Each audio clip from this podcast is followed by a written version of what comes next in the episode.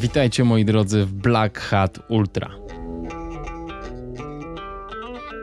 Oczywiście, że mam pokusy, żeby w coś wejść na 200%. E, Wielokrotnie myślałam sobie, może by tak przycisnąć to bieganie albo przycisnąć spinanie, ale jeśli wchodzę w coś, w coś bardzo mocno, to widzę, że właśnie tracę tą radość, tak? Że trudniej coś odpuścić, że zaczynasz coś robić, bo powinieneś, bo musisz, a dopóki tak się ślizgam po tych swoich dyscyplinach, to widzę w tym największą radość i taki dystans do tego. Jak zaczęła się pandemia, zaczęłam dużo więcej trenować i wtedy odnotowałam największy progres biegowy. To zobaczyłam, że niedobrze mi się dzieje w głowie, bo trening musi zostać odbyty. Że już zrobienie czegoś innego mm, źle działa na mnie. A to Tak. właśnie nie o to w tym chodzi. To ma być, trening ma być dla nas, a nie my dla treningu, tak? Przecież ja nie jestem, nigdy nie będę mistrzem świata, że ja No muszę właśnie. mieć w Excelu zrealizowany tak jak trzeba. I zauważyłam, że po prostu zamiast iść na rower z przyjaciółką na 6 godzin, na taki coffee ride na szosie, no to mówię, nie, no nie, no trzeba zrobić długie wybieganie. I wtedy mi się zapaliła lampka, hej, czy chcę stawać na pudłach i poświęcić i mieć mega wysokie oczekiwania wobec siebie? A wiemy jak jest. Powija się noga, później też trzeba sobie umieć radzić z tymi porażkami. Więc dopóki tak się ślizgam, mam do tego dystans, te rozczarowania są mniejsze i mam ten fan jakby największy z tego. No Więc właśnie. to jest taki mój sposób, żeby poradzić sobie z tą rekreacją, którą uprawiamy. To była Marta Naczyk, a ja jestem Black Hat i witam Was w Black Hat Ultra. Martę Naczyk jako dietetyczkę znamy wszyscy bardzo dobrze z formy na szczyt, King Runnera i szeroko pojętych mediów społecznościowych. Jednak Marta zainteresowała mnie głównie jako kobieta gór. Biega, wspina się, jeździ na rowerze. Zajęła czwarte miejsce na biegu Granią Teatr i biegu Siedmiu Dolin. Trzecie miejsce na Tatra Fest Bieg i drugie miejsce na Dzikim Groniu i biegu Sokoła. Ale to nie wszystko. Marta również wygrała w tym roku hardą sukę. Zanim przejdziemy jednak do odcinka, chciałbym opowiedzieć o jednej ważnej zmianie, która zadziała się w dystrybucji podcastu Black Hat Ultra. Od momentu, gdy pełne odcinki były dostępne tylko dla patronów, proponowałem Wam korzystanie z aplikacji Patronite Audio i ona nadal będzie działać, ale niestety okazało się, że nie jest ona najlepsza. Dowiedziałem się tego od Was, od patronów. Najpierw przeatakował mnie Piotr Byzia, który bardzo dużo słucha różnych podcastów w różnych aplikacjach. To on dał mi do myślenia, gdyż bardzo skrytykował aplikację Patronite Audio, ale zaproponował też rozwiązanie wykorzystania tzw. prywatnych numerów RSS. Dzięki tej technologii każdy z Was dostał właśnie na maila taki numer i po dosłownie dwóch kliknięciach będziecie mogli podcast Black Hat Ultra uruchomić w takich aplikacjach jak Apple Podcasts, Google Podcasts, Podcast Addict, Pocket Cast czy Overcast i zresztą wielu innych. Rozwiązanie to przetestowałem w tym tygodniu na małej grupie patronów i okazało się, że działa wyśmienicie, przynosząc wielu osobom ulgę. To jednak nie koniec pomocy z Waszej strony, gdyż na wysokości zadania stanął również Adam Bogdał, który pomógł mi zautomatyzować dołączanie patronów do tego nowego systemu postawionego na systemie Transistor. Nie powiem, jest to kosztowne rozwiązanie, ale dla wygody Waszego odsłuchu jestem w stanie zrobić bardzo dużo. Wróćmy teraz do mojej gościni. Marta kocha szybkie przemieszczanie się po górach, zarówno ze sprzętem wspinaczkowym, po tatrzańskich graniach, jak i skramblując w Tromso. Jako dietetyczka, a poza faktem, że prowadzi wiele osób występujących w tym podcaście, ma szansę współpracować z himalajstami takimi jak Adam Bielecki czy Denis Urubko i zaraz zresztą powie słówko, jak to wyglądało. W trakcie montażu tego odcinka bardzo dobrze się bawiłem i odczuwam ogromną przyjemność i satysfakcję udostępniając Wam ten super ciekawy i pozytywny odcinek. A jeśli chodzi o przekaz Marty jako dietetyczki, zapraszam do linków w opisie odcinka, które poprowadzą Was do podcastów Iron Factory i Kobieta Górą, w których Marta opowiada głównie o diecie. A teraz zapraszam już Was do uroczej krakowskiej zielonej kawiarenki o nazwie Szklarnia, gdzie siedzimy z Martą i miło spędzamy czas. Posłuchajcie.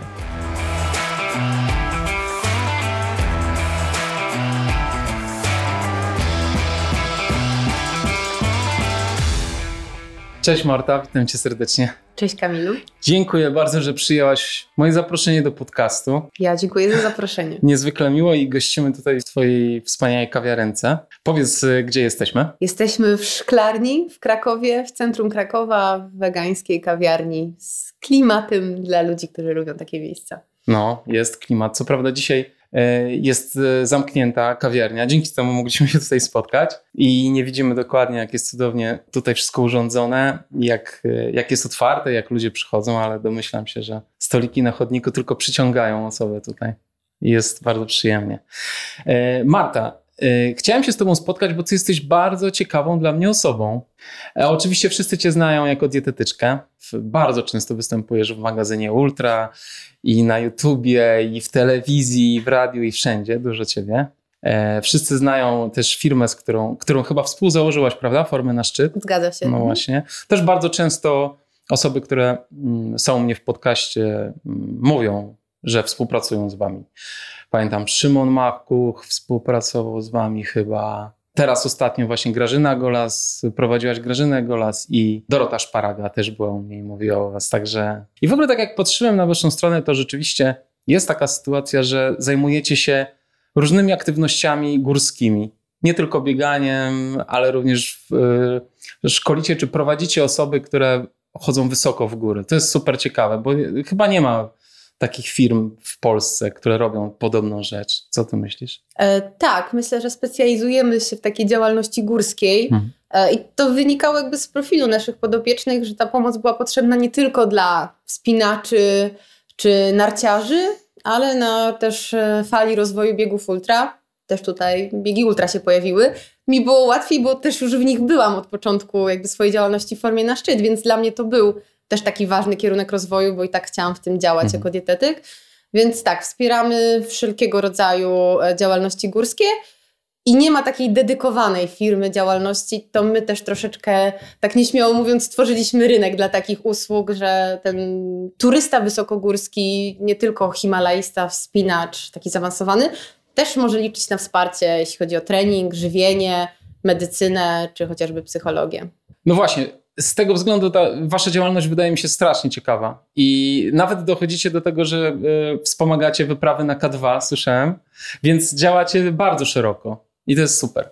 Ale chciałem się z Tobą spotkać, żeby porozmawiać o Twoim bieganiu i o Twoim podejściu do sportu, bo ono też jest bardzo ciekawe, bo Ty się nie ograniczasz do jednej dyscypliny śmiało można powiedzieć, znaczy kiedyś w jakimś wywiadzie zdefiniowałaś siebie jako biegaczkę górską, biegaczkę trailową, ale tak naprawdę robisz bardzo wiele rzeczy w górach i, e, i chyba ta miłość do gór głównie cię inspiruje do, do jakiegoś działania i to nie jest tak, że masz fiksację na jakiejś dyscyplinie. I też można łatwo, można fajnie zobaczyć po twoich osiągnięciach biegowych, że e, to nie jest tak, że ty jesteś w treningu i co roku w ogóle robisz jakieś ciężkie i coraz cięższe wyrypy, tylko widać, że, e, że ty się rozwijałaś jakiś czas, doszłaś do jakiegoś piku, i a, a teraz jakbyś się już przekierowujesz troszeczkę na inne działania, prawda? Że tak właśnie masz taką fajnie, super zdrowo ustawioną głowę do tego wszystkiego, że się też nie zajeżdżasz, nie katujesz, robisz po prostu co chcesz, a że interesuje cię wiele różnych rzeczy, no to, e, to wyniki są, są fajne. Ale dzisiaj porozmawiamy trochę o twoim bieganiu górskim, jeśli pozwolisz. Jak będziesz chciał powiedzieć o czymś więcej, to super. Widziałem, że przede wszystkim patrząc na Twój rozwój, super, widać taki fajny progres na, na trasie biegu Ultra Granion Tatr. Ty w ogóle w Tatrach bardzo lubisz biegać, prawda? Tak, no bo to są takie prawdziwe góry, patrząc typu alpejskiego. No Co to znaczy prawdziwe góry? No jednak lubię, kiedy jest ta skała, wysokość, hmm. te trudności, jednak no, ma w sobie coś magicznego. Tak? To mhm. są jedyne góry w Polsce, gdzie możemy nazwać to skyrunningiem. Hmm. I to jest, myślę, że taka gałąź biegania trailowego, która mnie najbardziej pociąga. Mhm. No tak, bo zaraz jeszcze o Tromso powiemy i innych rzeczach kapitalnych. E, ale właśnie widać, że ty do tego biegu Ultragranion Tatr podchodziłaś kilka razy i widać twój niesamowity progres. Jakbyś mogła troszeczkę o tym opowiedzieć, jak, jak ty to postrzegasz teraz z perspektywy lat, jak się przygotowałaś do pierwszego bukta i, i, i do ostatniego. E, w ogóle kiedy zaczęłaś biegać i skąd w ogóle taka fiksacja na punkcie tego skyrunningu? Dużo pytań, dobra, to po kolei. No, po kolei. Biegam od 2014 roku hmm. i popełniałam wszystkie błędy amatorów, to znaczy od razu zaczęłam startować w zawodach. Pierwsza dyszka, po paru miesiącach maraton, w pierwszym roku pierwszy ultramaraton e, i tak naprawdę nigdy nie przygotowywałam się do konkretnych zawodów. I ten progres, o którym wspomniałeś, o biegu y, ultragranią Tatr, wynikał po prostu z mojego takiego rozwoju naturalnego. E, no, spociłabym to do takiego jednego zdania. No, żeby dobrze biegać w górach, trzeba biegać w górach. I zwłaszcza dotyczy to Tatr, bo o mhm. ile można dużo wybiegać w Trójmiejskim Parku Krajobrazowym, czy w Beskidzie, czy po prostu w lesie, to żeby dobrze biegać w Tatrach, trzeba biegać w tych Tatrach.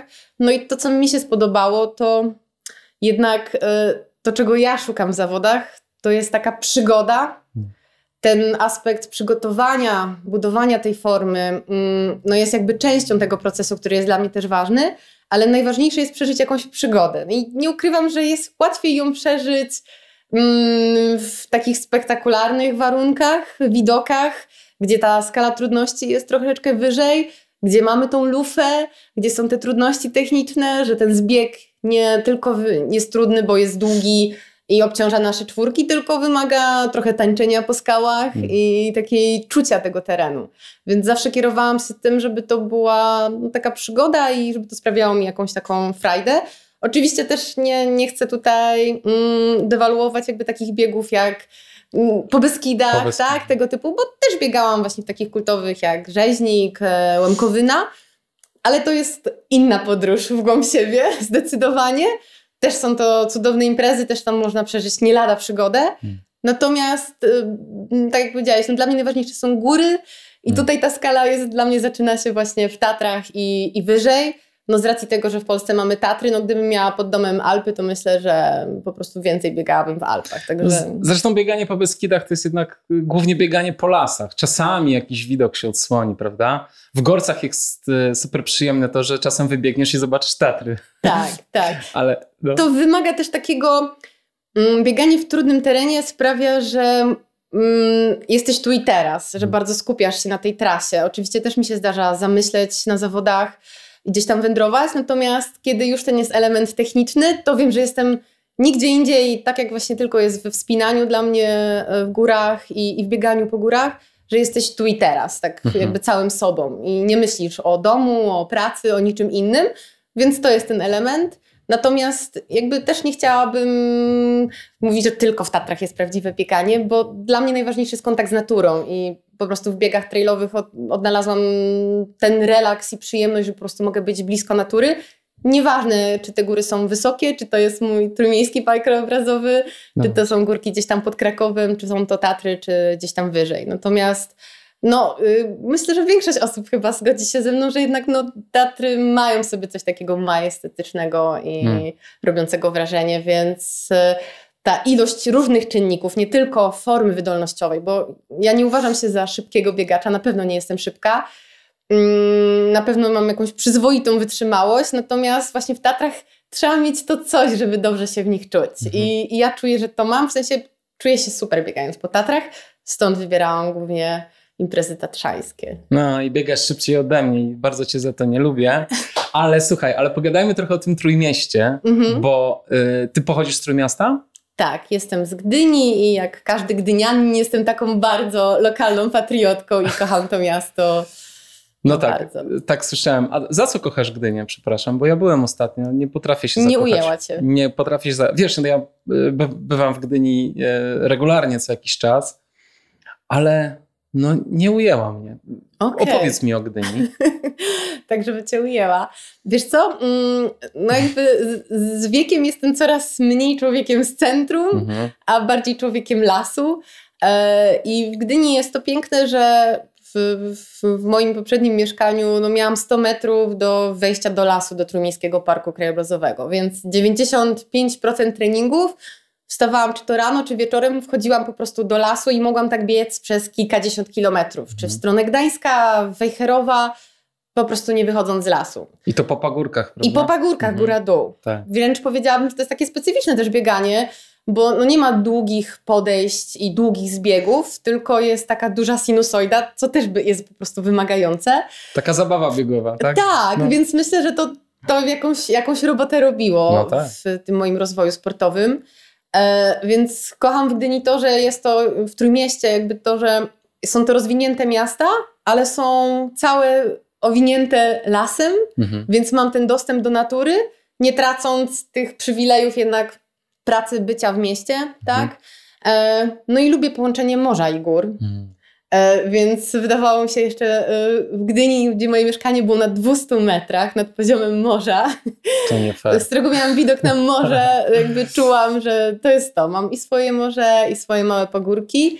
No i Gdynia jest młoda, jest schludna, czysta, już pomijając, co teraz się w niej dzieje dewelopersko. Mhm. Natomiast jest taka przyjazna, jest zupełnie inna niż Gdańsk, no tak. Sopot.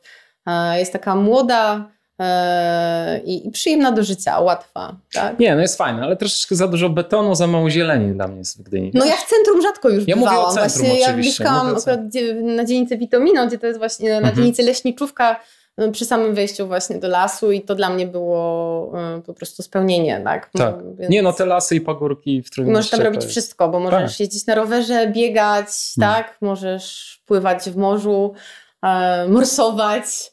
E, jest dużo takich możliwości. W, dużym mieście, gdziekolwiek jesteś w Polsce, to mimo, że teraz mieszkam w Krakowie, to jednak do tych gór mam kawałek i tak, a tam był ten plus, że wychodziłam z domu i tam byłam, mm, więc to, jest, to, to jest było super. Więc to było dla mnie najważniejsza taka codzienność, bo pojechać w góry każdy może w weekend, czy na wakacje, czy na urlop, ale mieszkać, y, żyć w mieście, a mieć ten swoją kawałek natury pod domem, to myślę, że tak było takim mocno na plus w hmm. życiu. A miłość do gór, kto w tobie zaszczepił? Ojej, e, miłość do gór, wycieczka szkolna w liceum. Moja pani, moja wychowawczyni powiedziała, że byłam ostatnią osobą w klasie, na którą stawiała, że jakkolwiek zainteresuje się górami, bo strasznie je uczałam i płakałam na tym wyjeździe, że już nie mogę iść pod górę. E, natomiast gdzieś tam ambicja, gdzieś tam się nie udało wejść, bo była opcja dla bardziej zaawansowanych i mniej. Ja wybrałam tą dla mniej zaawansowanych, czyli Sarnią Skałę, nie Giewont. Okay. No i później pojechałam sama wejść na ten Giewont z koleżanką. No i okazało się, że to może być na własną rękę fajna przygoda. E, no i tak to się zaczęło. Hmm. Po prostu eksploracja. No i zaczęło się od Tatr. Także moja mhm. rodzina jakby nie miałam tego, że rodzice mnie zabierali w góry. Jeździliśmy na, całe wakacje spędzałam w naszym domku na Kaszubach, więc okay. raczej tego typu tereny.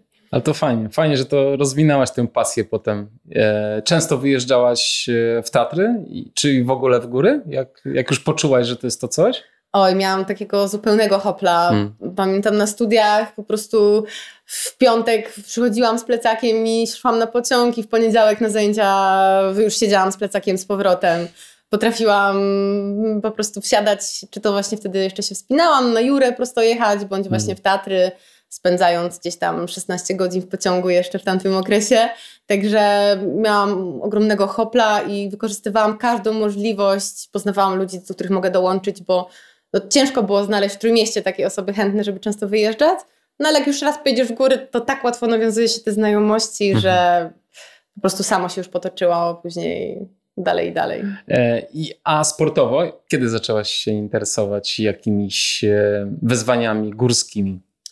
E, wiesz co, czyli po, wcześniej po prostu chodziłam po górach i, i, i, wspinałam się w skałach, jakby próbowałam się w tym kierunku rozwijać. Ale tam na Jurze, czy? Tak, na mhm. Jurze, no bo jeszcze jakby wspinanie w Tatrach wtedy dla mnie było czymś absolutnie, e, no jeszcze poza zasięgiem. Tak. E, I to Ale chodziłaś, było... przepraszam, chodziłaś na kursy gdzieś w Jurze Krakowskiej? Czy... Tak, no zrobiłam najpierw kurs spinaczkowy mhm. i pojechałam właśnie sama, bez nikogo jakby znajomego, więc jakby potrzebowałam wejść w ten świat mhm. troszeczkę, e, żeby mieć tych kompanów, no bo wiadomo, ktoś z Dyni pojedzie tam raz na pół roku, raz na rok w Tatry, no ale ciężko było mi znaleźć kogoś, kto by chciał regularnie wyjeżdżać. I, I tak naprawdę sportowo mm, to też tak się powiązało z tymi górami, ponieważ w trakcie studiów pracowałam w sklepie sportowym e, i mój szef uprawiał triatlon i biegał, więc e, chłopacy mnie wciągnęli po prostu w bieganie i w inne dyscypliny. No jak pracujesz w sklepie sportowym, to masz dostęp do wszystkiego, więc nagle to są, po prostu wystarczy coś wziąć, kupić, tak, w połowie ceny i to po prostu robić. Nie masz żadnych ograniczeń. No i dlatego zaczęło to bardziej ten aspekt sportowy ciągnąć w góry, no bo mhm. zauważyłam, że tam czuję się najlepiej, jeśli chodzi o ten sport. I po prostu zaczęłam biegać z dnia na dzień y, w 2013 hmm. roku. Y, I się okazało, że w miarę to wychodzi, mimo że wstałam z kanapy. Poza chodzeniem po górach nigdy nie chodziłam na WF. Miałam zawsze zwolnienie od pierwszej klasy podstawówki. No ale czekaj, była jakaś inspiracja do tego biegania? E, żeby biegać? Tak. Jakby, czy w górach, czy po prostu? Nie, w górach. E, wiesz co? Nie, po prostu jeśli chodzisz po Tatrach, w pewnym momencie zauważyłam, że ten pokonywanie od znaku do znaku zajmuje mi mniej czasu niż pokazuje mapa i zaczęło mnie to bawić, sprawiać mi frajdę, ściganie się ze znakami. Później się okazuje, że jak zaczynasz w tych górach biegać, to możesz zobaczyć więcej, zrobić więcej, no i też jesteś bezpieczniejszy, no bo jeśli poruszasz się sprawnie w górach, no to też jakby większa taka dbałość o twoje bezpieczeństwo. No ale jesteś też bardziej wrażliwa. Tak, prawda? tak, absolutnie. Czyli musisz być przygotowana lepiej, tak, tak ogólnie. Tak, Tego tak. się nie, nie bałaś, że wyskoczysz gdzieś na gran i skręcisz kostkę? Nie, bo czyli jakby pokonywałam swoje bariery stopniowo, więc e, hmm. czasem mi się wydaje, że to jest oczywiste, że wszyscy po Tatrach umieją chodzić. E, no bo jakby kamień jest kamień, no każdy umie stanąć na kamieniu, ale faktycznie co jakiś czas zdarzało mi się pojechać z kimś, wziąć jakąś moją przyjaciółkę, która w tych Tatrach nie jest e, zbyt rozchodzona, to widzę jak ludzie zupełnie inaczej zaczynają się poruszać, tak? I mają problem, jeśli nie są przyzwyczajeni do tego terenu. Więc u mnie to widzę, że zaczęła się gdzieś tam przesuwać ta granica i, i spodobało mi się właśnie bycie na tych y, graniach mhm. i poruszanie się po nich szybko.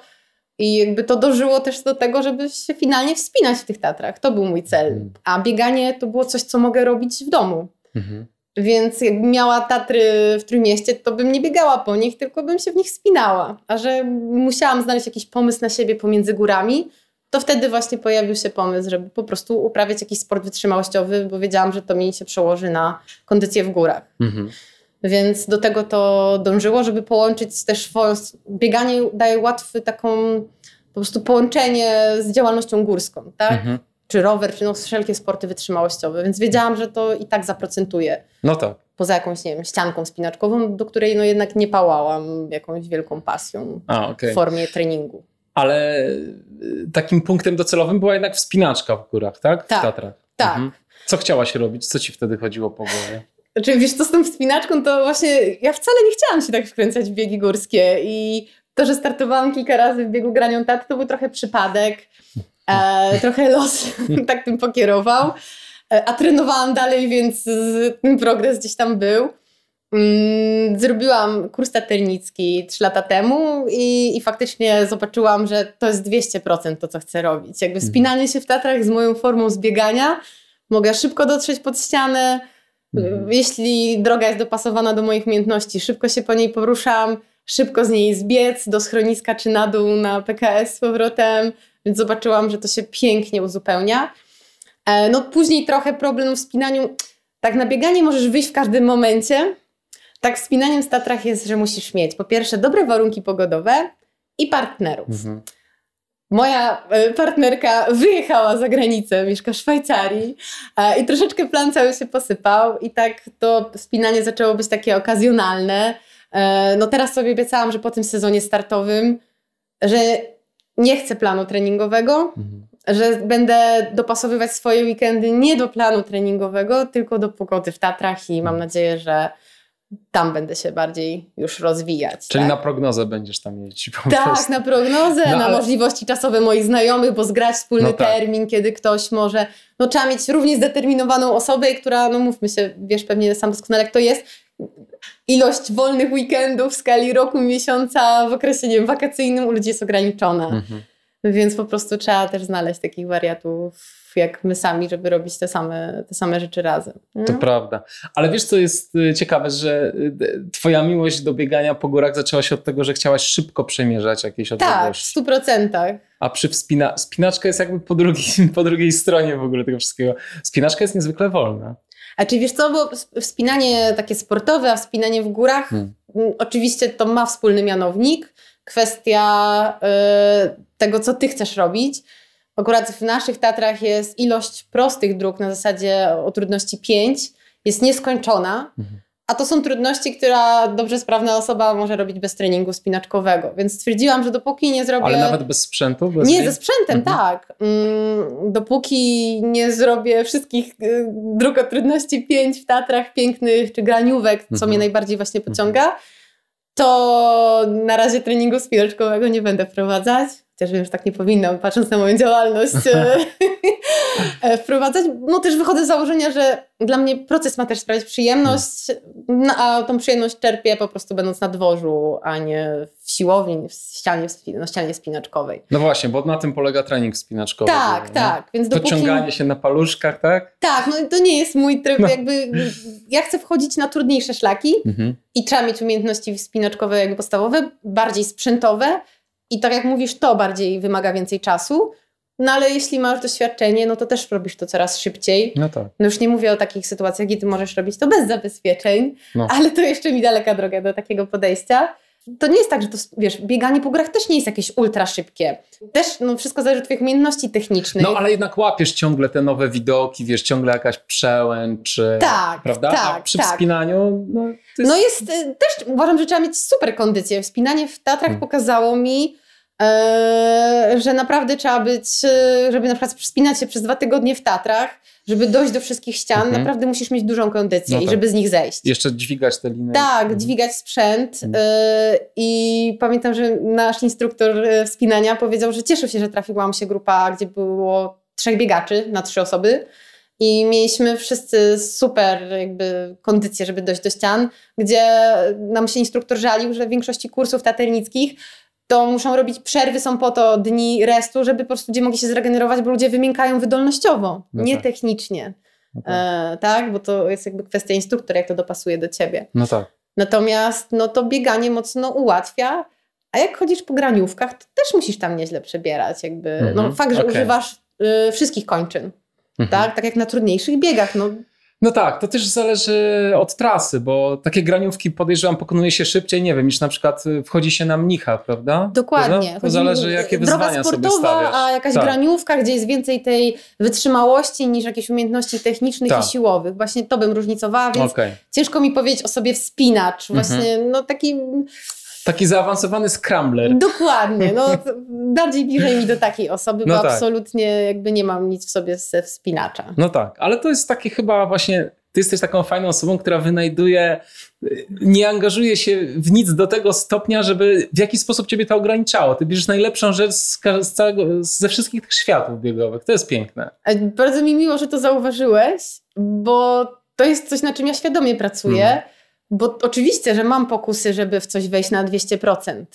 E, wielokrotnie myślałam sobie, może by tak przycisnąć to bieganie albo przycisnąć spinanie, ale to też może, może kwestia mojej słabości, że jeśli wchodzę w coś, coś, w coś bardzo mocno, to widzę, że właśnie tracę tą radość, hmm. tak? Że trudniej coś odpuścić, że zaczynasz coś robić, bo powinieneś, bo musisz. Hmm.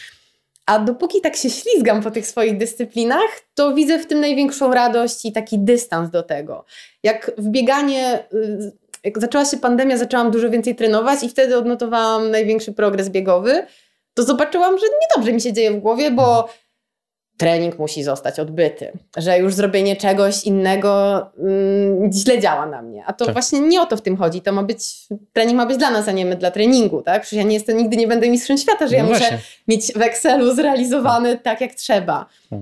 I zauważyłam, że po prostu zamiast iść na rower z przyjaciółką na 6 godzin, na taki coffee ride na szosie, no to mówię, nie, no nie, no trzeba zrobić długie wybieganie. I wtedy mi się zapaliła lampka, hej, po co ja to robię? Właśnie nie. Hmm. No dobra, widzę, że zaczęłam nie jeździć na rowerze, więcej biegać, jest większy progres.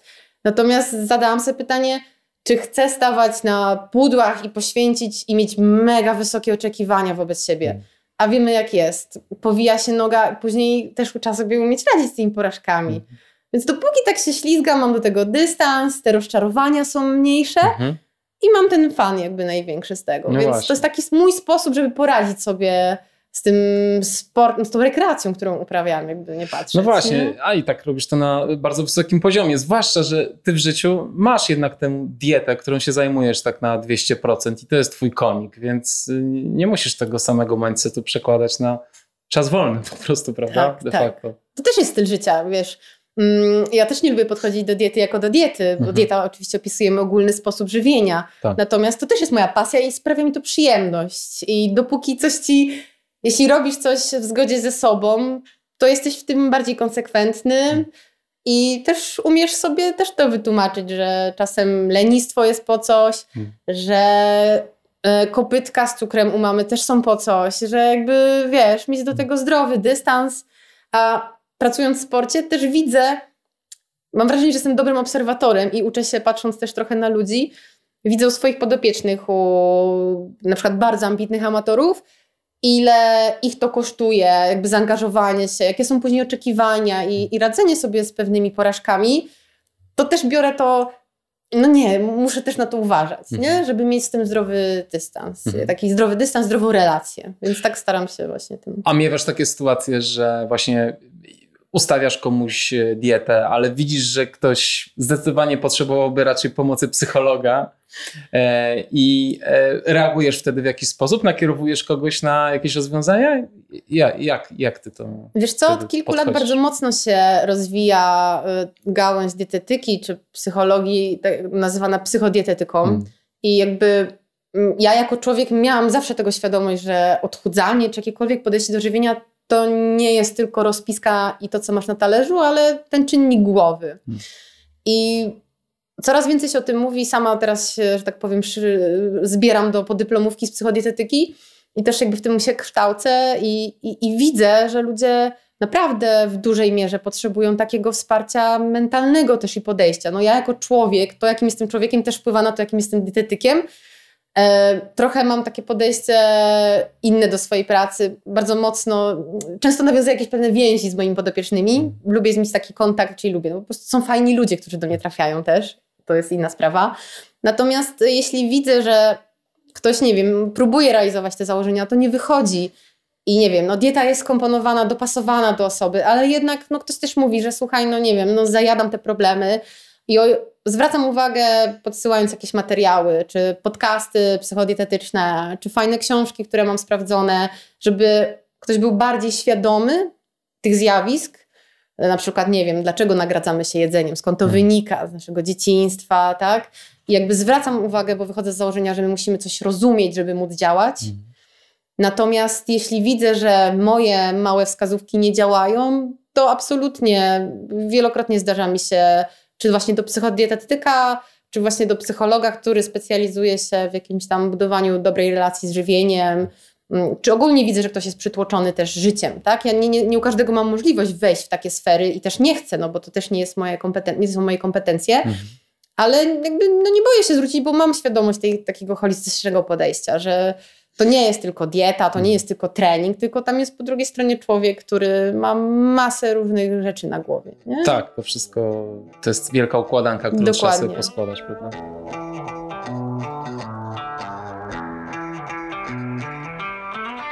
Odpłynęliśmy troszeczkę od biegania, to wróćmy, bo powiedziałaś coś takiego, że nie podejrzewałaś, że wkręcisz się tak bardzo w te biegi górskie, no ale na kilka lat weszłaś dosyć mocno. Powiedziałaś, że przez przypadek pobiegłaś tego bukta. I jakie miałaś wrażenia po, po pierwszym biegu?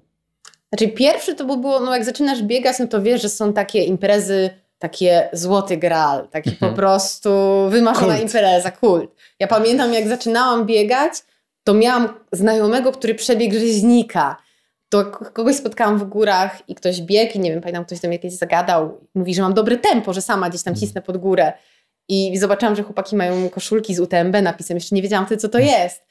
I się pytają, czy ja coś trenuję. Ja mówię, nie, ale mam kolegę, który przebiegł rzeźnika. E, to było tak, nie wiem, no z 10 lat temu, tak. tak? Gdzie właśnie rzeźnik był taki główną imprezą numer jeden. No i jak tylko zaczęłam biegać, usłyszałam biegogranią Tatr. No przecież moje ukochane Tatry. Mhm. Bieganie po Tatrach, no to, to jest impreza... Graniu. no to jest impreza stworzona dla mnie. Tak. No i pierwszy raz pobiegłam, będąc absolutnie chyba myślę, że nieprzygotowaną, no bo biegałam, to był 2017 rok. E, to był mój drugi czy trzeci sezon biegania po górach, ale wtedy nie biegałam za często w Tatrach. Może kilka razy mi się zdarzyło, może dwa. E, no i to było takie na przetrwanie. Na zasadzie sprawdziłam limity. Miałam znajomych, którzy nie ukończyli, więc czułam respekt. spojrzałam, żeby tylko zmieścić się w limitach, no i wtedy udało się przyzwoicie pobiec gdzieś tam, pourywać z tych limitów. Hmm. I mówię, to jest 100%. Hmm. To jest szybkie poruszanie się w nie najtrudniejszym terenie w Tatrach, jaki jest do dyspozycji, no ale wiadomo, jakby też y, organizowanie imprez rządzi się swoimi prawami, też jeszcze bezpieczeństwo i tak dalej. No i to było tak wow, super. I w zasadzie nie miałam zamiaru wracać, bo raczej nie chcę wracać na te same imprezy, tylko raczej traktuję bieganie po górach też przygodowo i wolałabym gdzieś pojeździć i zobaczyć różne y, imprezy. Natomiast tak się złożyło, że się dostałam, wzięłam udział w losowaniu, więc tak wyszło, że nie wiem, nie miałam innego pomysłu oprócz innych swoich planów na siebie, no to pobiegnę w Tatrach, bo to zawsze jest super. No i tam był kolejny, okazało się, wow, siadło. Mhm. E, faktycznie zaczęłam więcej biegać w Tatrach i zobaczyłam ten progres. Tam urwałam kilka godzin chyba.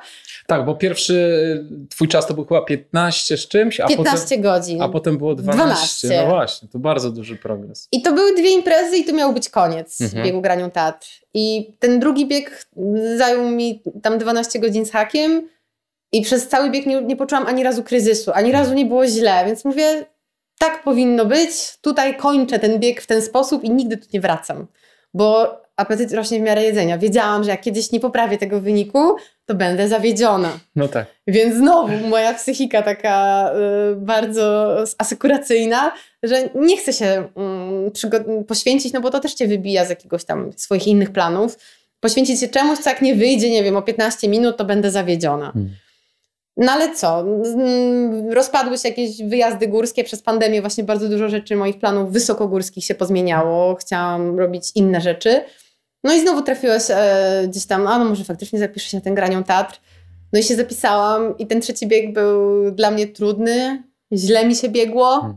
Poprawiłam czas, ale nie było, nie było przyjemności, bo hmm. wróciłam akurat z Alp, w których biegałam bardzo dużo, miałam dużo wyjazdów, byłam po prostu przemęczona. przemęczona. Hmm. I zrobiłam fajny dla mnie wtedy wynik. Cieszyłam się, miałam taką fulgę, że okej, okay, zrobiony, poprawiony tam o 40 minut chyba. Więc mówię, wow, da się z tego jeszcze urwać ale to nie było na tej świeżości, więc mhm. wtedy już też zaczęło mi kiełkować, że no już tak wiesz, patrzyłam właśnie ile brakuje do tego podium i to zaczęło, zauważyłam, że te motywacje zaczynają mhm. być zewnętrzne, nie te mhm. wewnętrzne i te oczekiwania rosną, więc stwierdziłam sobie, nie, naprawdę, teraz już nie wrócę na graniu. Mhm. Także do trzech razy sztuka. I nie zapisujesz się teraz na Nie, nie, żadnych biegów w Tatrach. Ostatnie sezony przez właśnie brak możliwości jakichś tam wyjazdów dalszych, wszystkie imprezy biegałam w Tatrach. Mhm weekend no tak. biegowy z Sokołem, Tatra Face, Tatra Race Run, wszystko co było w Tatrach praktycznie biegałam. Tatraskie maraton biegłaś? Nie, bo akurat mi terminowo nigdy nie A, no pasował, tak. czy do jakichś tam innych moich planów, no bo lipiec to jest taki właśnie dla mnie zawsze wyjazdowy. Mhm. E, I tylko dlatego, mhm. ale jak najbardziej, chociaż Marcin zaprosił mnie już na jakiś specjalny będzie bieg, Mm, taki bardziej trudny skyrunningowy, żeby tam dostać się właśnie będzie na zaproszenie mhm. E, i, i, powiedział, to będzie, że to ci się spodoba i że w tym musisz wystartować, więc pewnie, pewnie to będzie. Super. A powiedz jeszcze o tym okresie między pierwszym a drugim mhm. punktem, dwa lata przerwy. Czy ty wzięłaś się za jakiś trening swój taki biegowy, wzięłaś trenera i jak to wyglądało w ogóle? Czy się przygotowywałaś mhm. rzeczywiście do tego biegu? Wiesz co, właśnie tak. Do pierwszej granią tat po prostu zaczęłam biegać z trenerem, mhm. E, z którym trenowałam przez 5 lat, tym samym. Będąc jakby zupełnie, od, jakby jak, jak stwierdziłam, że chcę regularnie biegać, to od razu po wie, pierwszych czterech kontuzjach stwierdziłam, nie no, nie ogarnę tego sama, ktoś mi musi pomóc. Tak. Nie dlatego, żebym była jakimś y, zawodowcem, tylko żebym sobie krzywdy nie zrobiła. Więc e, mój znajomy po prostu, który specjalizuje się w biegu maratońskim, półmaratońskich, takich typowo e, ulicznych biegach, spytałam się, czy właśnie nie, nie podjąłby mnie trenowania pod te moje dziwactwa dla niego. E, I się okazało, że faktycznie super nam to wychodzi. Mm. Pamiętam właśnie wtedy bardzo fajnie, była absolutnym dla mnie zaskoczeniem Łemkowyna, którą pobiegłam. Też właśnie po dwóch latach wróciłam na trasę się trochę odegrać i tam urwałam z 12 godzin. Ojej. Brawo. Więc różnica poziomu tak. była, no po prostu wcześniej startowałam metodą startową, mhm. od zawodów do mhm. zawodów, a po prostu zaczęłam regularnie biegać mhm. i bez jakichś wyrafinowanych narzędzi biegowych. I myślę, mhm. że to taka Myślę, że to jest taki case wielu biegaczy, że my chcemy, szukamy tych takich zaawansowanych narzędzi, a czasem po prostu trzeba zrobić regularną jakąś robotę, tak, wypracować dobrze bazę. I po prostu to zaczęłam robić. A pamiętasz, jak to wyglądało? Czyli Masz na jaki myśli- miałaś kilometraż tygodniowy na przykład? Ja mam taki sam kilometraż od kilku lat w Mhm. sumie. Mm, Biegam cztery razy w tygodniu, nie więcej niż 60 kilometrów tygodniowo. Mhm. I z czego dużą część zawsze starałam się, żeby to było w lesie. Mhm. No i jak miałam możliwość, to w górach. Tylko te pierwsze właśnie kilka lat biegania w górach, no to raczej to było od urlopu do jakiegoś większego wyjazdu. Nie było to aż tak bardzo regularne, jakbym chciała. E, Więc e, przygotowywałam się po prostu biegając cztery razy w tygodniu gdzieś tam, robiąc A rower, siłownia? Właśnie rower był u mnie pierwszy jako taka, bo mój brat akurat e, startował w zawodach downhillowych i, i w cross country, jak byłam mała, więc rowerem bardziej nasiąknęłam z domu. E, więc e, później doszła szosa, to już brat powiedział mi, że już nie jestem jego siostrą. no bo on tutaj kolarstwo grawitacyjne, a ja tu poszłam w te takie miejskie klimaty. E, I zaczęłam właśnie, zajarałam się przez triatlon trochę też szosą i zaczęłam jeździć i trochę właśnie brat mnie uczył, jeździliśmy na zawody, jakieś enduro MTB, tego typu, więc rower był szybciej niż bieganie, ale jak zobaczyłam, że im więcej biegam, tym ten progres jest odnotowywalny, jakby Mhm. bardziej za, jakby zauważalny, no to zaczęłam mniej jeździć na rowerze, ale zawsze rower traktowałam jako ważny dodatek. Nigdy trening to było zawsze wyjście na kawę, nawet jeśli miało 250 kilometrów, to było zawsze wyjście na kawę, na ciacho, na pizzę, żeby gdzieś pojechać, więc raczej tak zajawkowo, Mhm. tak?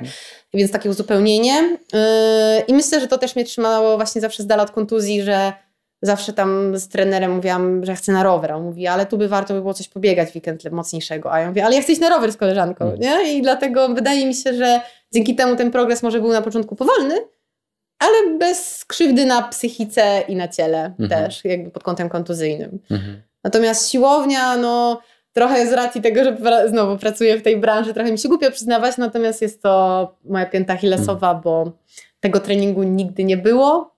Miałam kiedyś taki epizod, przygotowując się do triatlonu w Tatrach, że przez trzy miesiące zapisałam się na crossfit i, i źle się to dla mnie skończyło, bo po prostu... Obciążyłaś? Za bardzo się obciążyłam, do tego dużo właśnie biegałam w Tatrach, dwa razy w tygodniu crossfit, Mhm. gdzie tam też robiłam pewne rzeczy takie wydolnościowe, więc to się skończyło kontuzją.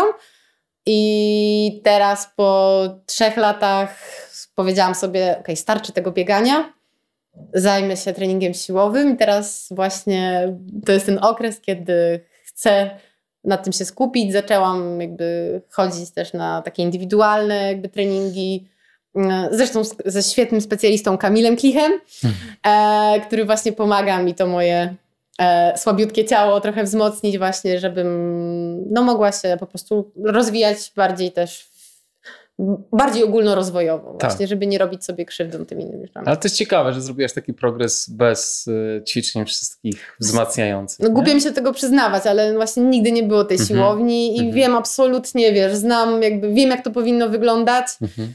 Natomiast no, nigdy tego nie umiałam robić, więc nie miałam nigdy w tym przyjemności, więc wszelkie próby, dopóki ktoś mnie nie prowadził za rękę, na, samą, na własną rękę, nigdy nie umiałam tego Mhm. po prostu zrobić. Także jakby teraz mówię to głośno, mam nadzieję, że jakby, Nikt cię nie potępi. Że właśnie no, mam nadzieję, że za- nie wiem, za rok jak się spotkamy, to ci powiem, słuchaj, jestem w stanie się tyle razy podciągnąć, bo chcę być po prostu sprawna. Bardziej o to mi chodzi. Tak? Rozumiem. To też przełoży się na góry, więc... No, na pewno. E, Więc jak najbardziej wiem, że wszyscy mi od kilku lat powtarzają, że zobaczysz, przyjdzie moment, kiedy nie będziesz mogła trenować już bardziej biegowo, nie, nie odnotujesz Mhm. progresu, bo przez twój słabe jakby przygotowanie siłowe. I faktycznie, jak zaczynam troszkę mocniej trenować, no niestety muszę właśnie troszkę, znam swoje granice. Już Mhm. widzę, że coś Mhm. tu zaczyna ciągnąć, Mhm. ale właśnie wiem wtedy, kiedy odpuścić, więc Mhm. tfu, tfu, tfu, jakoś sobie z tym radzę. Ale no wiem, że nie byłabym w stanie do dużych prędkości się przygotować z takim przygotowaniem siłowym, jak jest teraz.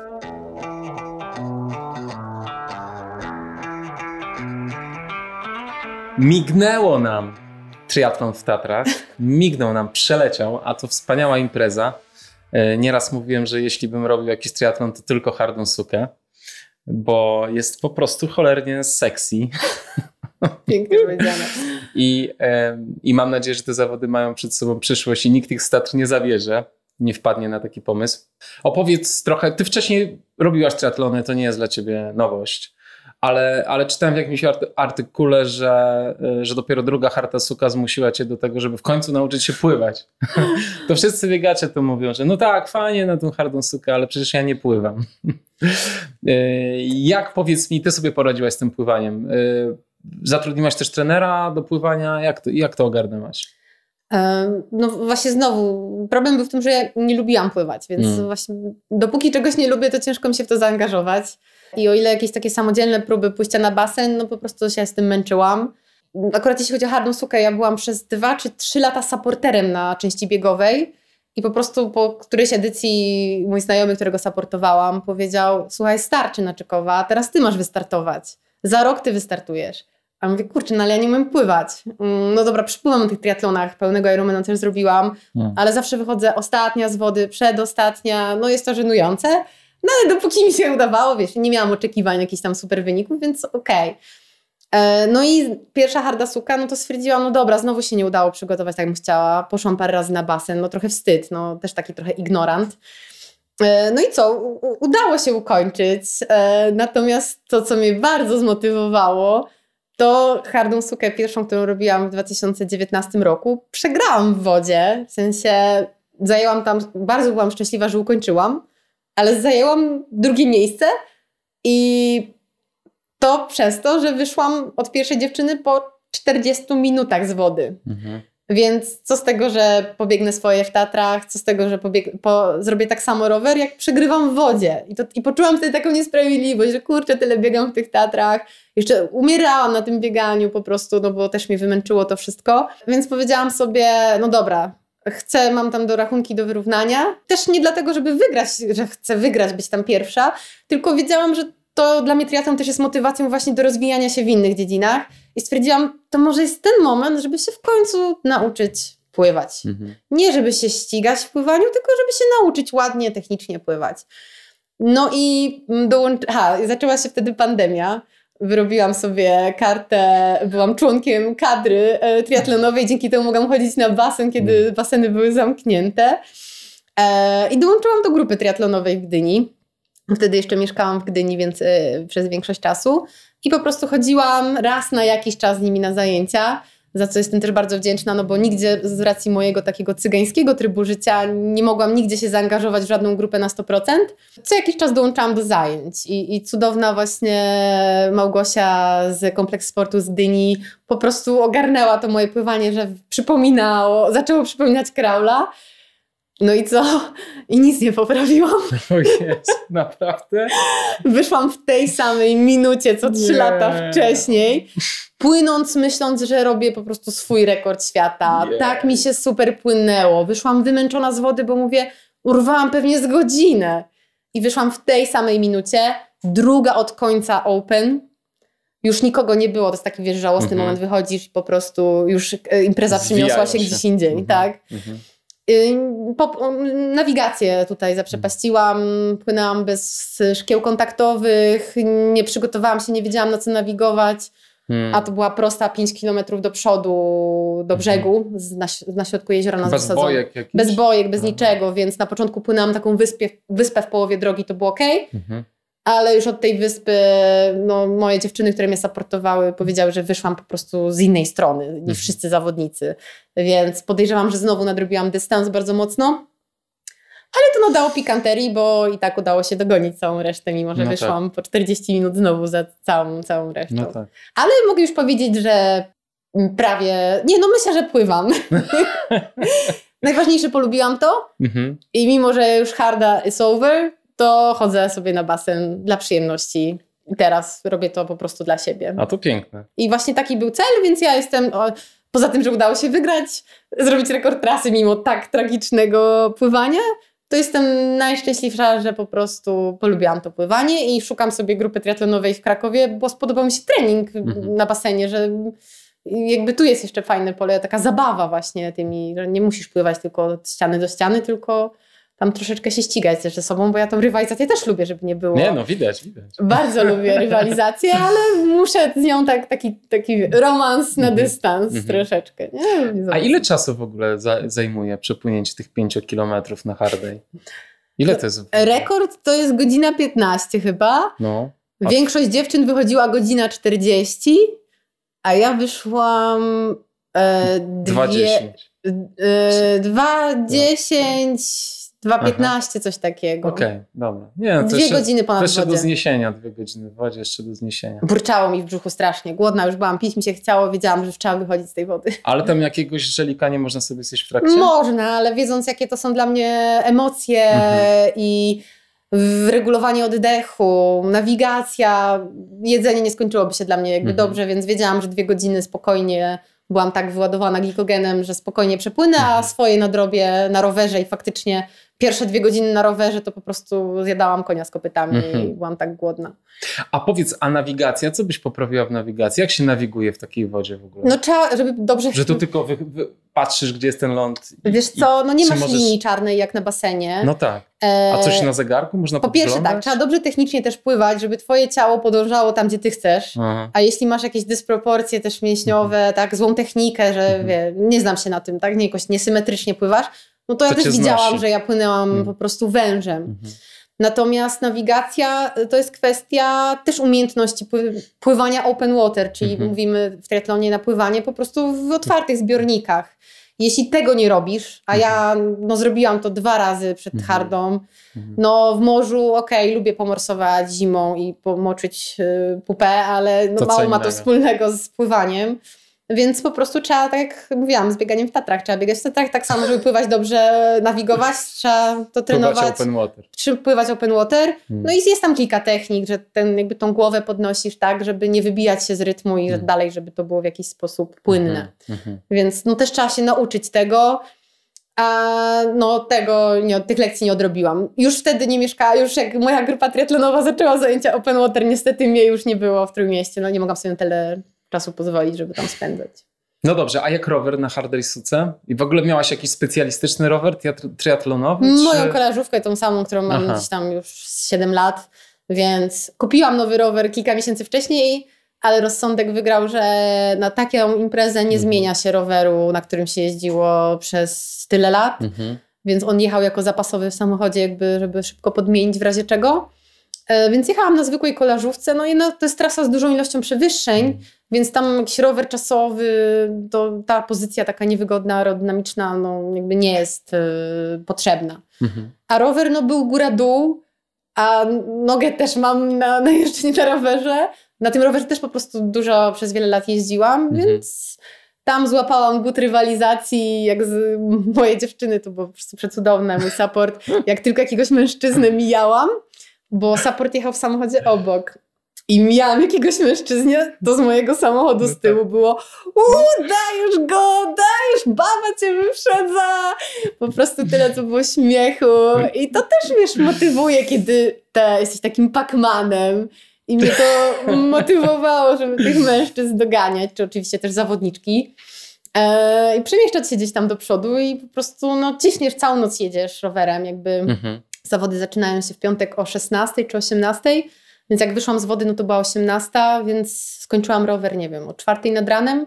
Więc całą noc jedziesz, ale mija. Tak. Momentalnie. Momentalnie. Jak masz Mhm. support, Mhm. od jedzenia do jedzenia, od picia do picia, od siku do siku, Mhm. od pękniętej dętki do pękniętej dętki ewentualnie. Sama ale- naprawiałaś, czy support ci pomaga? Nie, nie, bez, tutaj bez supportu Mm. sobie nie wyobrażam. Jednak jest to jak w Formule 1. Mhm. Natomiast e, mój support, z racji tego, że mój docelowy support się wysypał przed zawodami, właśnie który miał być odpowiedzialny za zmienianie dętki, mój kolega spontanicznie dołączył e, do teamu supportującego i nie mógł być od razu w piątek po pracy na starcie, więc dojechał do mnie na chyba 30 czy 40 kilometrze i wyobraź sobie, że dojechał w momencie, kiedy pękła dętka. Jechał samochodem w momencie, kiedy zobaczył mnie na drodze, kiedy schodzę z roweru i pierwsza dętka, więc szybko Tak, wyskoczył. podmianka. Już był tam zaraz mój samochód z całym sprzętem. Zmiana dętki, ja w tym czasie kanapeczka, herbatka, rower gotowy. Szczęście też trzeba mieć. Tak, tak, więc się śmieję, że to tylko pikanterii dodało i takiej fajnej przygody. Właśnie tak. to było super. Tak. A samo bieganie po Tatrach normalne, czy odkryłaś e, coś innego akurat e, w takim połączeniu, że... Mhm. No bo trasa jest bardzo zbliżona do biegu Grani tak. Tatr, więc już mam trochę tam obcykany każdy kamień. Mm, no, tutaj jest jakby wypadkowa dobrego rozłożenia sił, no bo nie możesz roweru zrobić w trupa. Mhm. E, tylko trzeba to przejechać mądrze, w komforcie, żeby móc dać siebie jakby wszystko na biegu.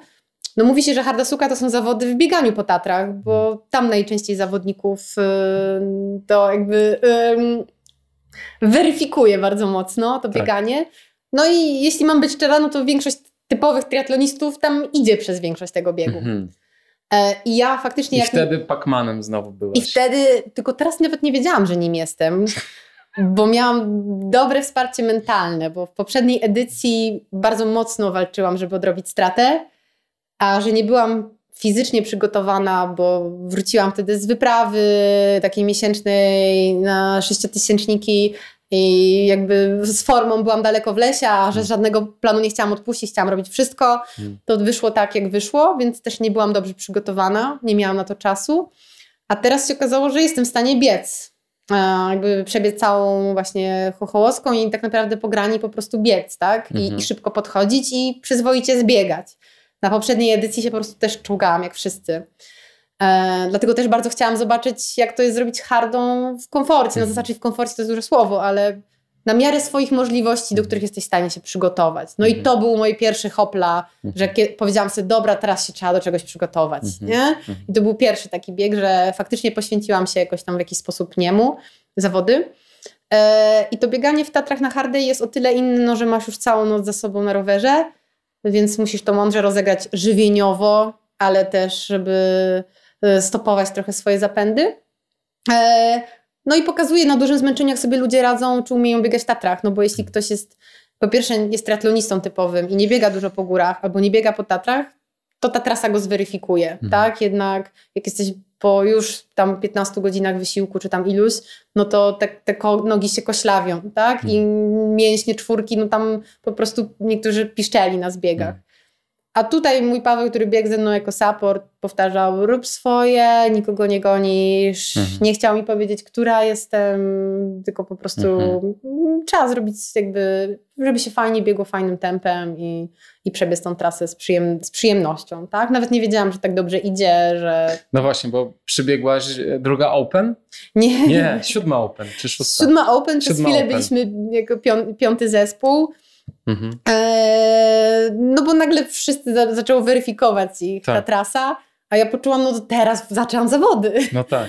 I zaczęłam po prostu konsekwentnie biec i, i, i udało się jakby po prostu sprawnie poruszać. Nawet myślałam, że kurczę, no można by było to jeszcze lepiej zrobić, a później się okazało, że tam też nie ukrywam, że przez ten rok był troszeczkę mniej obstawiony, mam wrażenie. E, że to też zależy od, wiadomo, startujących, no też jest mała impreza, startuje 50 osób, z hmm. czego gdzieś tam połowa kończy, e, więc to też jakby taki rozrzut jest dosyć duży, jeśli chodzi o te wyniki. Mm, natomiast tak, udało się, widać, wiesz, przygotowanie, obieganie w Tatrach to jest też jedno, ale nie ukrywam, że żywienie to też tu jest ważny czynnik, tak? I jak startujesz na zawodach, które trwają 20 parę godzin, to sorry, jeśli nie ogarniesz tego żywienia, tak to no, no nie dotrwasz na świeżości. A ty potrafisz jako zawodnik pilnować siebie, swojego żywienia dobrze, tak samo jak pilnujesz swoich podopiecznych? Może tak. To też jest proces, to są też lekcje, które muszę mhm. odrabiać. Mm. To nie jest tak, że mi jest łatwiej, bo jestem dietetykiem. Mm. Znaczy jest, bo mam wiedzę, mam tak. świadomość, ale mi tak samo jak każdemu biegaczowi nie chce się jeść. Tak samo mi się zdarzą jakieś problemy żołądkowo-jitowe, natomiast robię wszystko, żeby się tak przygotować, żeby zmniejszyć jakby mhm. tego intensywność, tak? W sensie tych problemów, czy ryzyka, że mogą wy wystąpić. Więc mhm odrabiam y, lekcje, to znaczy jem na treningach, czyli coś, czego nie robi, nie wiem, moja własna statystyka, trzy czwarte biegaczy ultra. Mhm. No przecież dasz radę przebiec dwa, dwie godziny bez jedzenia? No pewnie, że dam radę, ale to nie o to chodzi, jeśli się przygotowujesz do czegoś, co trwa kilkanaście godzin. Tak. Więc jeśli tutaj ktoś planuje dobrze się żywić na zawodach, musi do tego jakby podejść też skrupulatniej na treningach, tak? Mhm. Bo wszystko jest dobrze, dopóki właśnie nasz organizm nie jest wystawiony na dużą próbę. I wtedy, jeśli nie jesz na treningach, no to też nie ma co się dziwić, że organizm źle toleruje jedzenie, Mhm. tak? Po nagle kilku godzinach wszystko rośnie w buzi i tak dalej. Mhm. Więc ja też dopracowywałam to żywienie, miałam te same trudności, co wielu biegaczy. Natomiast y, sama spisuję sobie, nie wiem, ile zjem na zawodach i porównuję to rok w rok. No i widzę, że jakby cały czas jest to dorzeźbione, że jest coraz lepiej, coraz lepiej i, i, i czuję, że jestem taką maszynką do przerabiania energii.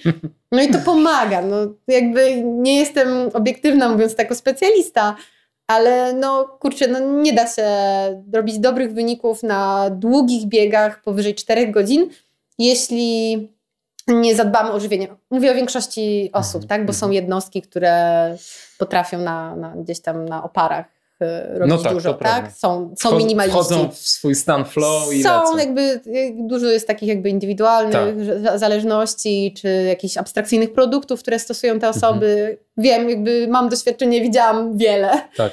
Natomiast większość osób, jakby jest to przebadane, że jeśli jesz poniżej 200 kalorii na godzinę, a startujesz w biegu e, kilkunastogodzinnym, to twoje szanse na ukończenie e, są po prostu mniejsze. Mhm. I jakby nauka. Tak? Tak, jako naukowiec mogę się opierać też, też, też na tym. A jak takie przypadki y, z, znajdujesz w swoim życiu, takiej w ogóle od czapy, czegoś, co nie powinno działać, a działa, to jak, jak ty do tego podchodzisz? Wiesz co? No, wychodzę z założenia, okej, okay. czyli wiesz, jak to mówi klasyk. If Hmm. it works, It it, works. works. Natomiast, wiesz, mogłabym porównać troszeczkę z innego środowiska, bo to jest Mhm. mój taki fajny przykład. Mm, w górach wysokich, y, wyprawa na K2. Młody wspinacz Adam Bielecki, e, z którym przez wiele lat współpracowałam, który ma żywienie dopracowane, uważam, naprawdę jest duża różnica pod kątem tego, co było, a to, co udało nam się osiągnąć. Który jakby ma świadomość odżywiania w trakcie, regeneracji i tak. Z drugiej strony wybitna równie jednostka Denis Urubko, tak? Też mu nie można od, odmówić jakichś osiągnięć wysokogórskich. Jeden z, z czołowych spinaczy wysokogórskich na świecie. Natomiast Denis miał takie podejście too fast, czyli dwa razy fast, czyli fast od szybko i fast od e, na czczo. Tak. No i jak tu powiedzieć, ja teraz tłukę na szkoleniach, wykładach, że trzeba jeść w tych górach, a taki Denis Urubko wchodzi i on mówi, że on nie je, no bo za dużo go to energii kosztuje, Mhm. jego układ pokarmowy e, w warunkach wysokogórskich. Natomiast akcja ratunkowa na Nanga Parbat, e, to dużo osób słyszało, bo to było dosyć takie medialne, gdzie i Adam i Denis bardzo szybko się wspinali mm, i Adam faktycznie przyznał, że ciężko było mu aż nadgonić na, za, za Denisem. Natomiast kluczowa różnica była po całej akcji, jeśli chodzi o szybkość regeneracji i gotowość do dalszej działalności górskiej. Mhm. Więc jasne, da się wszystko zrobić, ale konsekwencje, jakie to ma wpływ na nasze zdrowie, Mhm. Na regenerację, na uszkodzenia układu pokarmowego, wbrew pozorom w drugą stronę. Mhm. Jeśli za mało jesz, to ten układ pokarmowy bardziej się uszkadza, ten nabłonek jelitowy, Mhm. tak? Jest niedokrwiony w tym momencie, kiedy nie ma tam jedzenia, powiedzmy, w dużym skrócie. Więc e, wiesz, jakby też nie mam za cel naprawiać cały świat i mówić, że wszyscy tak muszą, Natomiast zawsze zachęcam, zobacz i Mhm. jak może być inaczej, nie? Mhm. że możesz być świeższy, możesz, nie musisz mieć kontuzji, nie musisz być chory po zawodach, możesz szybciej wrócić do treningu. Więcej to, co wypracowałeś treningowo, możesz w optymalniejszy sposób wykorzystać przy dobrym żywieniu. Więc No właśnie, te wszystkie diety polegające na tym, na poście właśnie, one Mhm. są niezwykle pociągające, dają kapitalne rezultaty. Ludzie się świetnie lekko czują, ale rzeczywiście ciężko jest stwierdzić, jak to, je, jak to będzie na dłuższą metę, prawda? I, e, I właśnie jak to będzie z regeneracją i co będzie za, nie wiem, za rok, za dwa. E, no, to jest takie, może być złudne bardzo, nie? Wiesz co, te takie narzędzia alternatywne zawsze są pociągające, bo są alternatywne. Tak. E, w większości osób normalna droga się nie, sprawił, nie sprawdziła, więc szukają też jakiś, oczywiście generalizuję. No tak, ale też każda zmiana powołuje, wywołuje bardzo szybkie efekty, prawda? Tak, i większą motywację, Tak. no bo łatwiej niż zdrowo się odżywiać nisko przetworzoną dietą, dużo warzyw i owoców, dobrych tłuszczów, kasz pełnoziarnistych, przejść na keto, no bo nie, nie mogę pieczywa, nie mogę tego, no to, to jest takie właśnie... Tak.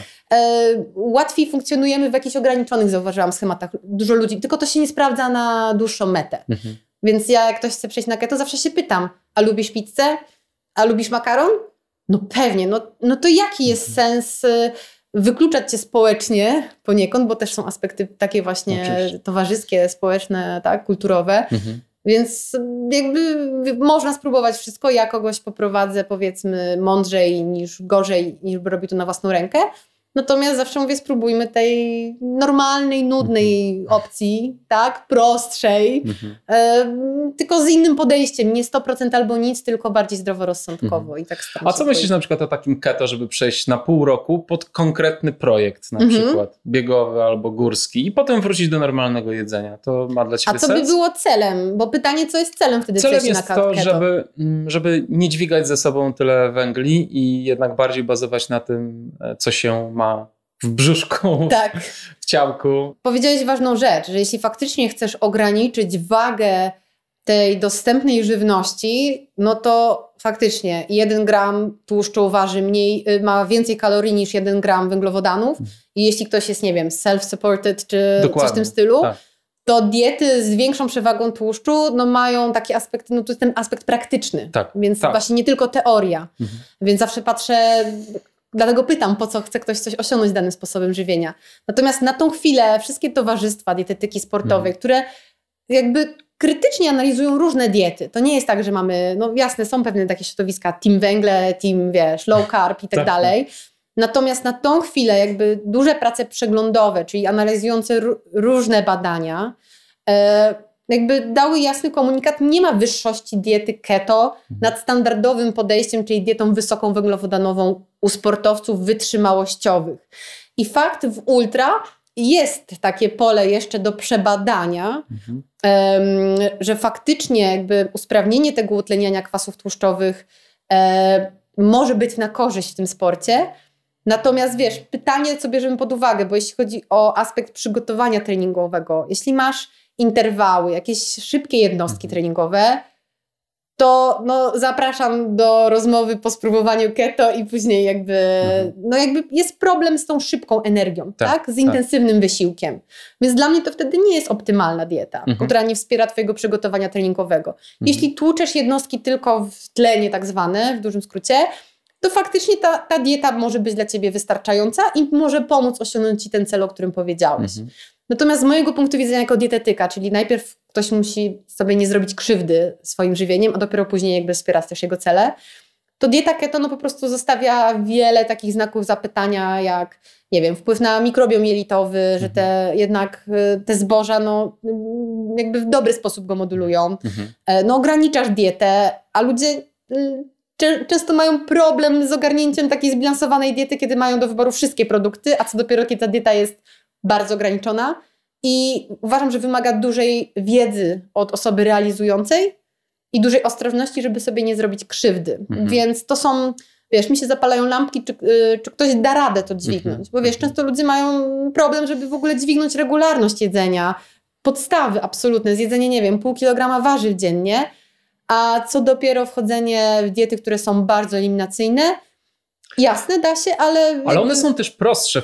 Wiesz, ja myślę jak facet, to, Tak. to sobie tak myślę. Kurczę, najchętniej to zadałbym ci pytanie, słuchaj, daj mi jeden produkt, który ma w sobie wszystko i ja będę jadł ten jeden produkt. To tak jak o Scott Jurek, o którym rozmawialiśmy przed, rozmo- przed rozmową, on w książce napisał, że miał taki okres w życiu, że właściwie odżywiał się tylko i wyłącznie tym brązowym ryżem. Mhm. I brązowy ryż, i trening, wiesz, Tak, po ileś tak. mil i znowu brązowy ryż. To jest, słuchaj, dla, e, dla głupich facetów takich jak ja, no ideał, no, jeść jedną rzecz cały czas, no. No niestety. Różnorod... Zawsze powtarzam, że podstawą dobrej diety to jest nie tylko jej niski stopień przetworzenia, ale różnorodność. Mhm. Więc e, im dieta jest bardziej ograniczona, tym ryzyko pewnych niedoborów jest większe. Mhm. Więc jeśli ktoś mi mówi, no dobra, z jakiegoś powodu chcę zrezygnować, nie wiem, z nabiału, z mięsa czy z glutenu, to najpierw oczywiście pytam o pobudki, czy są jakieś przesłania, czy to natury etycznej, w to nie wchodzę oczywiście, akceptuję i pomagam tej osobie zbilansować tę dietę. Natomiast jeśli to jest, no wiesz, nie wiem, od nabiału, nie wiem, rosną piersi, czy jakieś takie absurdy, które nie mają poparcia w nauce, no to zawsze staram się pokazać, że jakby tak wcale nie jest. Proszę o zaufanie. Mm, No i zawsze mówię też, skoro mamy problem często, że nie wiem, żywić się poza domem i tak dalej, to łatwiej jest czasem po prostu mieć więcej e, produktów do wyboru, po które sięgniemy. no jak mam, jak ktoś mnie pyta, no dieta keta, Mart- Marta, co mam zjeść na mieście, w jakiejś restauracji i tak dalej, to jest wyzwanie, tak? Mhm. Na wyjazdach, czy jak biegasz gdzieś tam właśnie, czy po górach, czy nie wiem, do schroniska wejść coś zjeść, no to jest problematyczne, także Albo kończysz jedząc frytki. A no, No- to tak, to nie jest keto. No no tak. No właśnie No tak. to jest też ten problem, że właśnie kwestia nie tyle co jakichś tam mm, ogólnych zasad, tylko też takiej jakości Mhm. właśnie tego żywienia, bo można się kiepsko odżywiać keto i tak samo wegańsko można się strasznie odżywiać. Oczywiście. Tak, no kwestia właśnie, my skupiamy się na takich prostych, a może nie, właśnie może bardziej skonkretyzowanych widełkach, a tej, tą bazę troszeczkę tam gdzieś schowamy pod Mhm.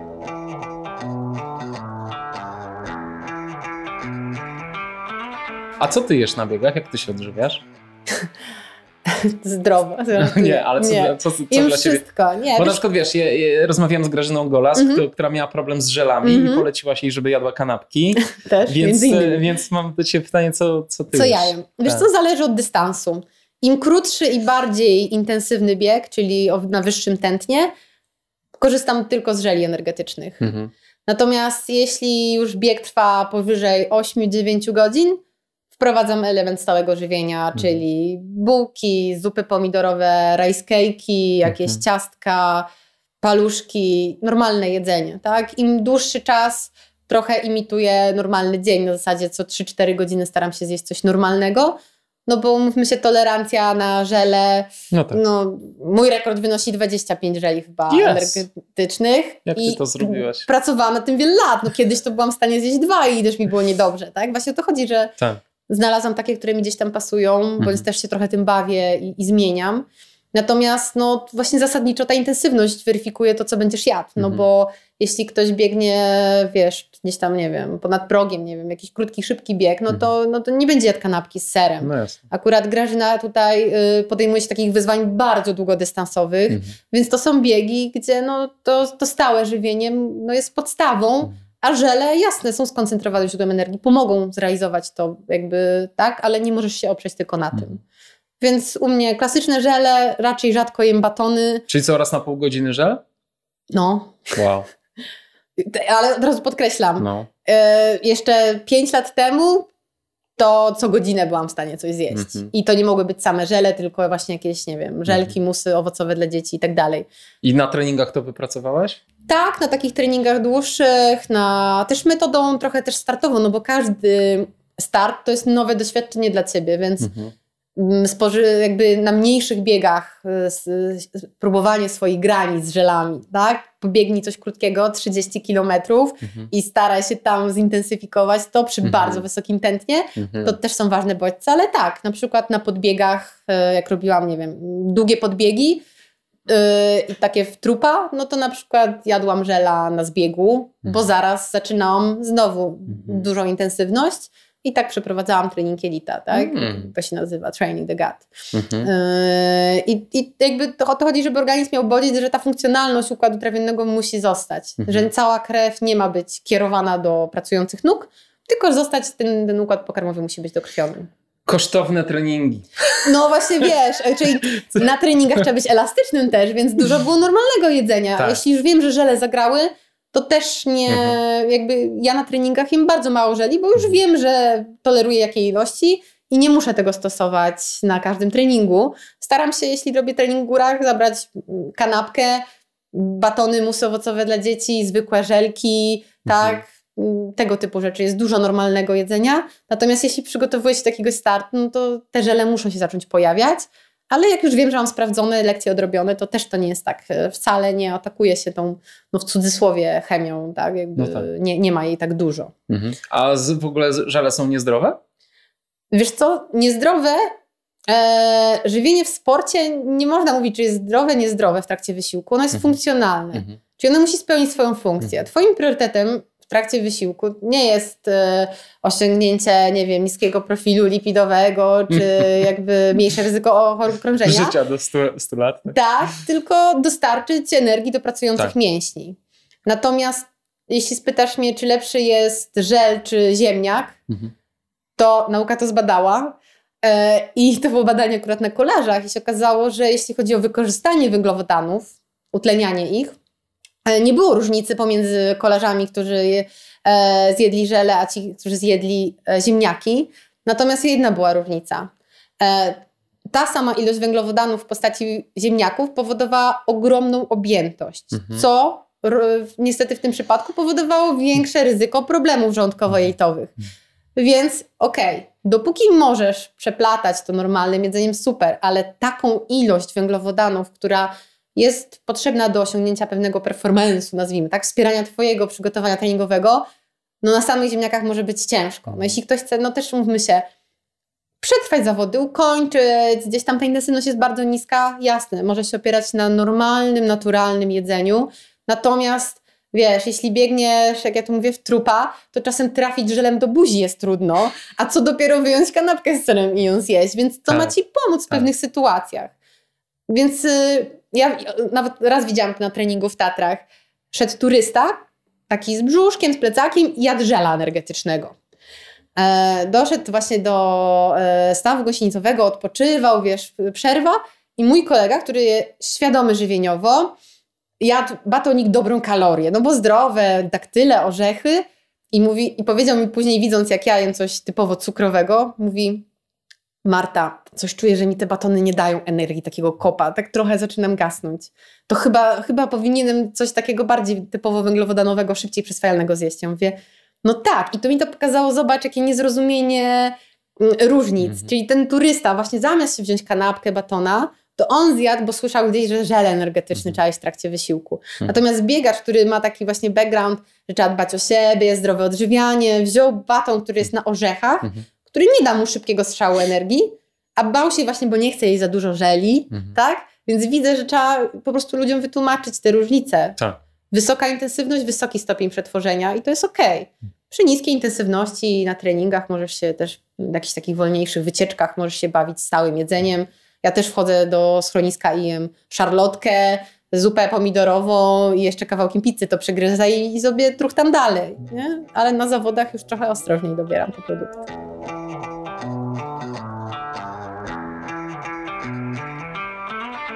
Marta, o diecie możemy długo, ale ja jeszcze cię muszę zapytać o Tromso. Sky Race. tak. Powiedz mi, jak tam było? Bo y, to jest taki chyba kolejny bieg, który z tego co opowiadasz gdzieś tam no jest totalnie po linii twoich zainteresowań, prawda? Tego typu bieganie. Po, po graniach z elementami scramblingu. Opowiedz trochę o swoim doświadczeniu z tego biegu. Przyznam, że byłam trochę zawiedziona Tromso pod kątem tej, no bo słyszałam, że jest trudny bieg hmm. i tak nastawiłam się do tego stopnia, że nie mogłam spać noc przed biegiem, bo bałam się, co mnie tam zastanie, że to hmm. będzie jakiś hardcore, że pewnie wspinanie w Tatrach to jest nic przy tym. No i wiesz, jak to w wielu biegach, te takie e, najlepsze smaczki to jest wycinek trasy. Tak. E, natomiast e, tak, mnie przyciągnęła właśnie ta, ta, ta, ta grań, ta, ten, ten skyrunning, który był dosyć dostępny i blisko, no bo jakby jest to niedaleko od Trójmiasta jakby samolotem. Taki też e, ciekawy aspekt połączenia gór z morzem, więc taka moja Gdynia tylko... Nie no, tam jest przepięknie. E, więc połączenie tego to było to. No i podobało mi się, że to nie jest duża impreza. Też nie mhm. ukrywam, że szukam e, kameralnych imprez, bo może nie startowałam w tych takich mm, kultowych imprezach w stylu właśnie Ultra Trail Mont Blanc czy mhm. Lavaredo, mam to gdzieś tam w planach, żeby po prostu zobaczyć i poczuć i zobaczyć, co to wszyscy mówią, co, wszystko, co o tym wszyscy moi podopieczni opowiadają, czy jest prawdą. E, ale trochę przeraża mnie bycie częścią tak ogromnej ilości mhm. ludzi w górach. No nie jesteś tam sam. Mhm. Nie jest to takie przeżycie. Tak, tak. A na Tromso wiedziałam, że jest to kameralna impreza, a to mnie jara na maksa, kiedy impreza jest właśnie kameralna, kiedy widzisz, że bardziej to organizuje banda przyjaciół, niż jest to na, nastawione też na jakiś zysk, tak? Więc dlatego to był pierwszy dla mnie czynnik, e, zaraz, nie, drugi po właśnie trudności trasy. E, no i się jakby tutaj przekonałam, że jest to prawdziwe, nie zawiodłam się. Tak. Trudność trasy, jakby widzę, że w Polsce nie miałoby to racji bytu, mm. bo no nie było czegoś takiego o wyposażenie obowiązkowe. Organizatorzy powiedzieli, sami wiecie, co macie w góry zabrać. Hmm. U nas nie wyobrażam sobie, e, jednak nie wszyscy biegacze są gotowi na przygotowanie w górach, zwłaszcza tych wyższych, takich bardziej technicznych. E, to była jedna rzecz. a druga, no limity są tak dosyć sztywno ustawione, że ja biegając w Polsce, nie wiem, powiedzmy, no nie wiem, w 20% czy w 15-5% początku stawki, tam prawie zamykałam tą stawkę. Mhm. Fakt, tam udało się później ładniej dobiec, ale pokazało, że tam nie ma przypadkowych ludzi, że tam mhm. przyjeżdżają ludzie, którzy wiedzą jakby po co przyjechali i organizatorzy też powiedzieli, że no, jeśli chcecie się porozglądać na widoki, no to idźcie sobie następnego dnia na spacer, tu jesteśmy nieugięci, jest limit, musi być mhm. limit. Ja na mhm. pierwszej górze byłam 15 minut przed limitem. I mówię, kurde, przycisnę, no w Polsce to bym teraz była gdzieś blisko podium, tak? A, a, a tamtego, e, no jednak były inne te warunki. Natomiast no, bieg przepiękny, bo dziki, trasy poprowadzone, wiesz, przebiegasz przez rzeki po prostu po udo 10 razy, masz element y, takiej właśnie grani, są pola śnieżne, masz też płaskie łąki, jakby urozmaicenie, bycie pomiędzy tym, między tymi górami, tam zbieganie tych dolinek, góra dół, góra dół, no psychiczne bardzo. Tam mhm. tak sobie myślałam, że wow, że jestem dobra w zbiegi, ale tam miałam wrażenie, że klocki hamulcowe mi się bardzo przycierają. I nigdy mi się nie zdarzyło, żeby mnie kobieta wyprzedziła na zbiegu, jak już biegnę w pewnym miejscu stawki. Jakby to jest taki mój stały, że na zbiegach to raczej ja wyprzedzam. Natomiast tam mnie te norweżki po prostu mijały, jak mm. patrzyłam, jak lecą w dół, to widziałam, że nie możesz patrzeć pod nogi, po prostu musisz czuć teren i lecieć w dół. Więc tam jakby trasa, szlak to jest coś takiego umownego tak. i mają dużą taką fantazję, jeśli chodzi o prowadzenie tych e, szlaków i, i tras. Także jeśli ktoś szuka przygody, to myślę, że super miejscowa. Mm. No ale trzeba przebierać tam nogami. Faktycznie nie jest to bieg na zwiedzanie, zdjęcia.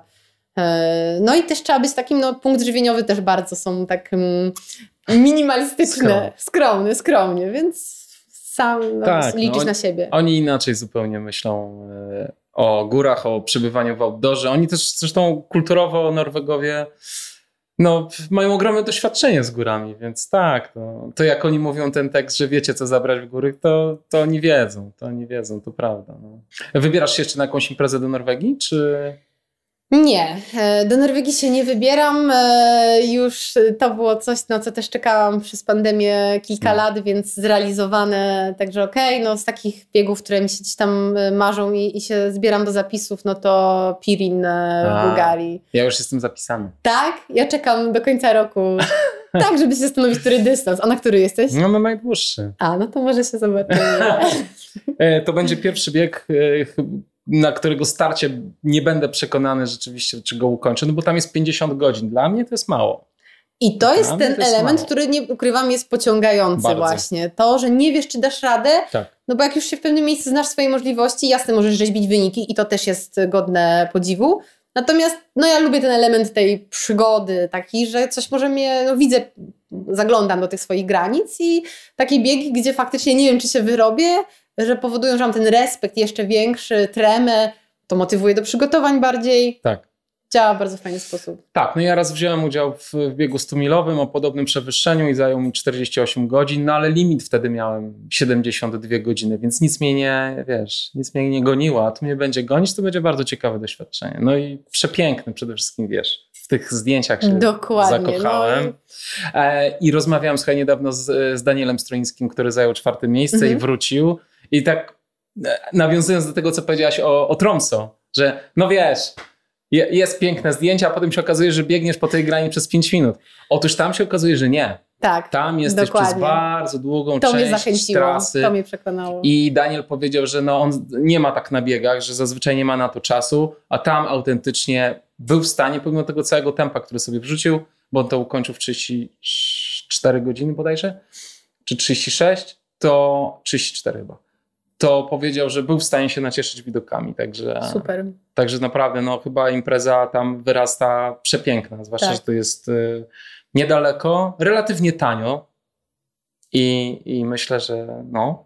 A jeszcze wygląda w miarę kameralnie. Tak, jeszcze wygląda w miarę Jeszcze? Kameralnie. Nie, ja myślę, że nie grozi tam jakiś rozrost, nie wiadomo jaki, ale y, no chyba, że sprzedadzą, wiesz, chyba, że pan UTMB kupi po prostu ten bieg, to, no, to nie jest wcale wykluczone.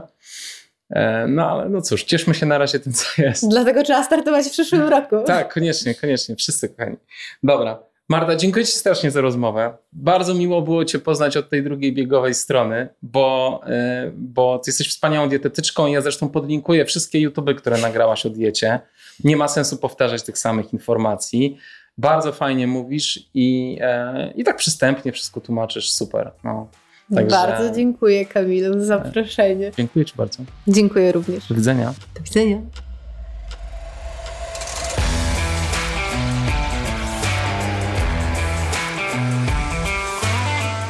I jak wam się podobało? Prawda, że fajna z Marty dziewczyna? Bardzo jestem ciekaw, jak szklarnia, czyli ta kawiarnia, w której nagrywaliśmy podcast, funkcjonuje na co dzień.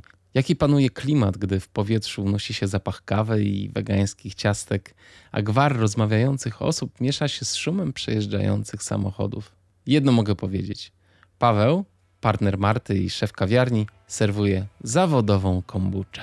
A teraz będzie odrobina prywaty. Marta, serdecznie dzięki za krecią robotę.